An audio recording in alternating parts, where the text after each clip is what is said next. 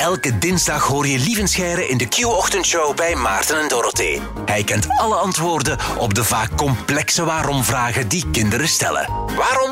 Daarom. Omdat die kennis lang niet voldoende aanwezig is om op alle kindervragen te antwoorden en omdat Google toch ook maar vage of veel te uitgebreide antwoorden geeft, is hier de man die je steeds weer opnieuw een heldere uitleg verschaft als een kind zich waagt aan een waarom-vraag. Zijn naam? Lieven Scheire. Goedemorgen, Lieven. Een goedemorgen. Komende zondag is het Halloween. Ben je, ben je into Halloween of niet? Ik kan het eigenlijk echt niet inschatten over u.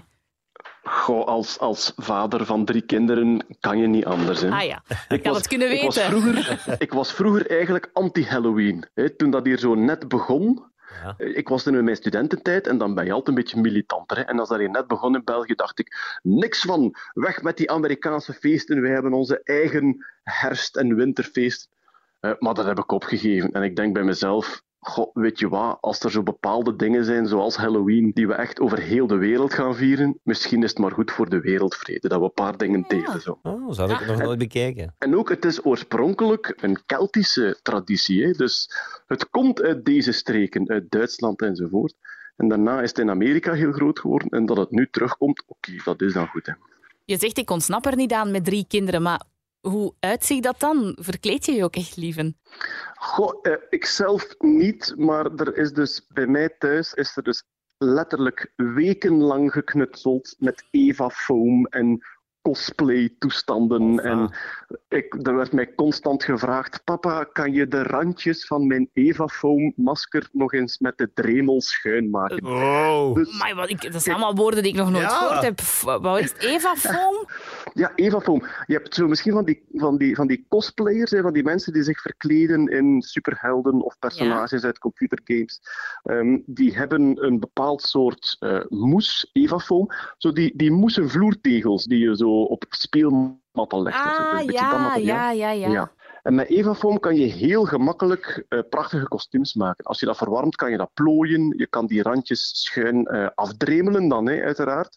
En aan elkaar kleven, dan kan je dat verven. Je kan dat een beetje roestiger laten uitzien. Dus eh Amai. Evafoam is een heel tof knutselmateriaal. En laat ons zeggen, zolang dat ze zich dan ook effectief creatief aan het uitleven zijn, dan denk ik, oké, dat zijn de goede kanten van de Halloween. Ja. We hebben nu al zoveel bijgeleerd en we moeten eigenlijk nog aan de vraag van deze week beginnen. Die komt van, eh, van Uma uit Gent, vier jaar. Waarom heeft mijn oma grijs haar?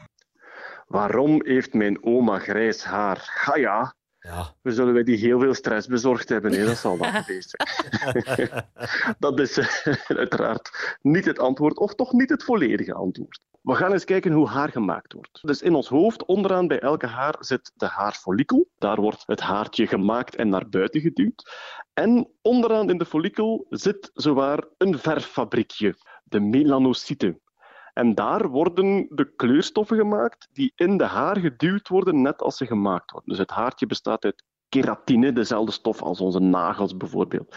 En dat is dan een soort buisje dat millimeter na millimeter naar buiten geduwd wordt. Dus het haar helemaal aan de puntjes, dat is eigenlijk ja, wekenlang geleden ontstaan.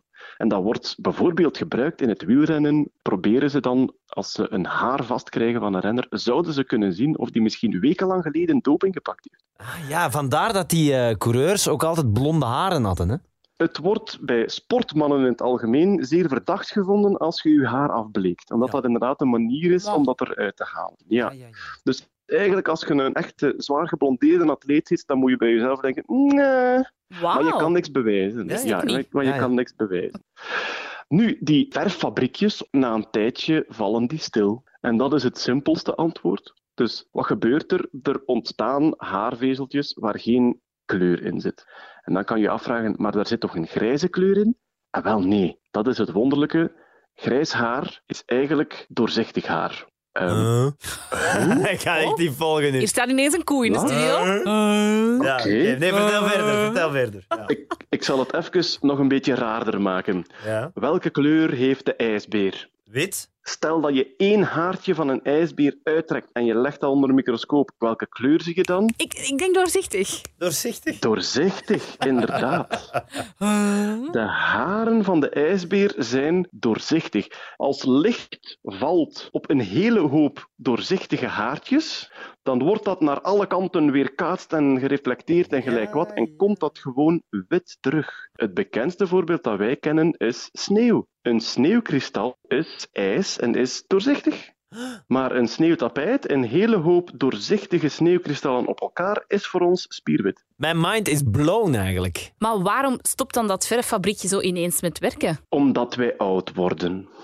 Maar heeft het iets te maken met stress? Want ik zie wel een link tussen de geboorte van mijn derde kind en enkele grijze haren die zich toch beginnen aftekenen in mijn weelderige eh, bos. Er zijn geruchten van mensen die op één dag grijs werden omdat ze iets traumatisch meegemaakt hebben. Natuurlijk kan dat niet, omdat het haar op je hoofd is weken oud en kan niet zomaar grijs worden omdat je iets stresserend meegemaakt hebt. Maar het is intussen wel bewezen, hoe meer stress dat je hebt doorheen je leven, hoe sneller je grijs zal worden Ja, omdat die stress heeft een effect op die, eh, op die verfabriekjes. En blijkbaar, stresshormonen zorgen ervoor dat de stamcellen waaruit die gemaakt moeten worden, dat die steeds zeldzamer worden. Dus je kan effectief van een lastig leven langzaamaan grijs worden. Ja. Ja, erg opbeurend eh, is dit niet geweest, dit radiomoment. Maar eh, het Oh, is- waarom niet? Ja, nee, is ja. toch ook al zo wat grijzer en dat staat hem toch supergoed? Ja, ja Ah, maar dat is ik waar. kan misschien troosten met iets, eh, Maarten. Er is, een, er is een vermoeden bij mannen dat het grijs of kaal is. Oh, Dus, ja, dus dat uw haarfollikels ofwel stoppen met kleurstof produceren, ofwel er gewoon helemaal mee stoppen. En dus bij elke grijze haar moet je maar denken, hoera, ik word niet kaal. mijn emoties gaan alle kanten uit eh, tijdens dit gesprek. Maar echt, eh, ja, dat, is, dat vind ik dan wel weer fijn, inderdaad. Want ik heb volgens mij geen mooi hoofd eh, als het kaal wordt. Allee, ik heb nu al niet zo'n mooi hoofd, maar als het kaal wordt... eh, Anyways, Anyways. om te besluiten, Om te besluiten. het antwoord op de vraag... Waarom heeft mijn oma grijs haar? Je oma heeft grijs haar omdat de verffabriekjes onderaan in haar haarfollikels, die zijn stilgevallen.